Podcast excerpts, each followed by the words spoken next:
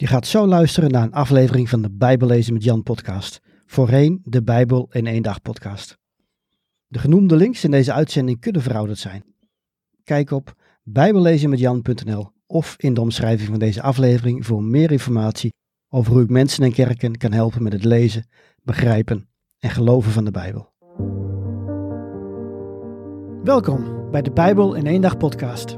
Mijn naam is Jan Heijnen. Ik ben auteur van het boek De Bijbel in één dag. Ik geloof dat de Bijbel Gods woord is en dat we allemaal deel uitmaken van zijn verhaal. De Bijbel is ook een vreemd boek soms. Ik help christenen de Bijbel te lezen, te begrijpen en te geloven. Op de Bijbel in één dag.com kun je het e-book De Bijbel in één dag gratis downloaden. Ook kun je de paperback bestellen of je inschrijven voor een van mijn cursussen of seminars. Oké, laten we met de aflevering beginnen. En in deze aflevering staat de brief van de Efeziërs centraal. Paulus schreef de brief aan de gelovigen in Efeze terwijl hij in Rome huisarrest had. Dat was tussen 62 en 64 na Christus.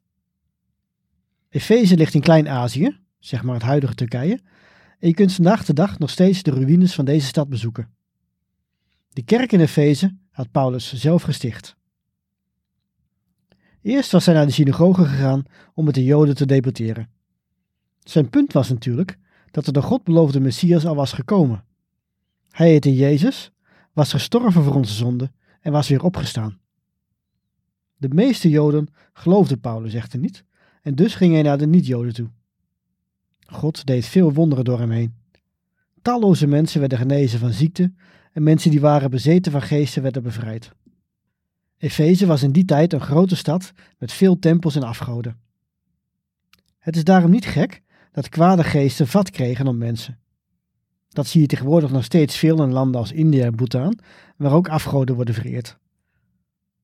Het mooie was dat veel mensen tot geloof kwamen door deze wonderen en door Paulus' woorden. Ze keerden zich af van hun zonde en verbrandden zelfs hun religieuze boeken. Een veelbelovend begin. Helaas zou het uiteindelijk verkeerd aflopen met deze kerk. In het laatste boek van de Bijbel, Openbaring, laat Jezus Johannes een brief schrijven naar deze kerk. Daarin zegt hij dat zijn eerste liefde voor hem zijn verloren. Goed, laten we nu teruggaan naar de brief die Paulus schreef aan Efeziërs. We weten niet of deze brief alleen gericht is aan de kerk in Efeze. In de oudste kopieën die we hebben van deze brief wordt Efeze zelfs niet eens genoemd. Het kan ook zijn dat de brief bedoeld was voor alle christenen in Klein-Azië, maar dat deze als eerste naar Efeze ging. Voor het begrijpen van een brief maakt het niet veel uit. De brief aan Efeziërs is dus een pareltje. In de eerste drie hoofdstukken vertelt Paulus het verhaal van de Bijbel in zijn eigen woorden en in de laatste drie beschrijft hij wat dat verhaal praktisch betekent voor ons eigen leven. Er zit ook mooie beeldspraak in de Bijbelversen die Paulus heeft opgeschreven. Paulus begint met God te danken voor al zijn zegeningen. Hij hield er van ons voor het begin van de wereld en koos ons uit om kinderen van Jezus te worden. Zo werd Gods genade duidelijk. Het bloed van Jezus werd vergoten voor onze zonden. Dit offer redde ons en gaf eer aan God. De hele wereld behoort toe aan Christus. Christus is het Griekse woord voor Messias en betekent dus verlosser. Paulus spreekt een prachtig gebed uit voor de lezers en de luisteraars van deze brief. Hij vraagt God of hij ons hart wil verlichten, zodat we zullen begrijpen wie onze hoop is, welke prachtige toekomst ons wacht en hoe groot Gods kracht en macht is voor hen die geloven. Na dit gebed legt hij uit dat zowel Joden als niet-Joden geestelijk dood waren door de zonde. Nu heeft Jezus ons echter geestelijk het leven gewekt. Dat betekent dat we nog steeds lichamelijk zullen sterven, maar daarna zullen we bij Hem in de hemel zijn. Ons geloof heeft ons gered. Je zou kunnen denken dat we dus toch iets moeten doen om te worden gered. We moeten geloven. Dat geloof is echter een geschenk van God. Dit is een ingewikkelde boodschap. Is het nu God die ons redt of ons geloof? En als je niet gelooft, is het dan Gods schuld? Hier worstelen theologen al eeuwenlang mee. Zelf probeer ik het zo op te lossen. God werkt in ons dat is een gegeven. Maar we hebben ook een vrije wil en ook wij kunnen werken voor ons geloof. Bijvoorbeeld door God oprecht te zoeken, door de Bijbel te lezen, te bidden en met andere christenen om te gaan. God werkt en wij werken. Terug naar de tekst van Paulus. Hij beschrijft hoe de genade van God tot uitwerking kwam in zijn eigen leven. Paulus, de vervolger, die misschien wel verantwoordelijk is voor de dood van verschillende christenen, mocht ook toetreden tot Gods familie.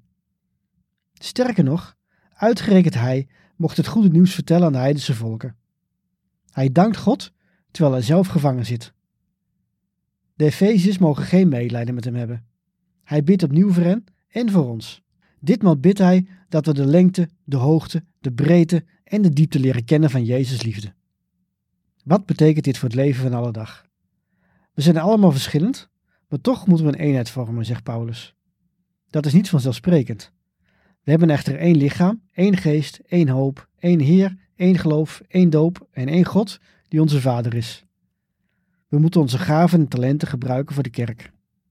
De mooiste definitie van kerk is een familie van gelovigen. Paulus gaat zelfs nog iets verder. Alle gelovigen samen vormen het lichaam van Jezus op aarde. De kerk is dus geen gebouw of een organisatie. Het is een levend organisme waarin iedere gelovige als het ware een essentieel lichaamsdeel is. Dat lichaamsdeel functioneert als iedereen zijn gaven en talenten inzet. Het hoofd van het lichaam is Jezus Christus zelf.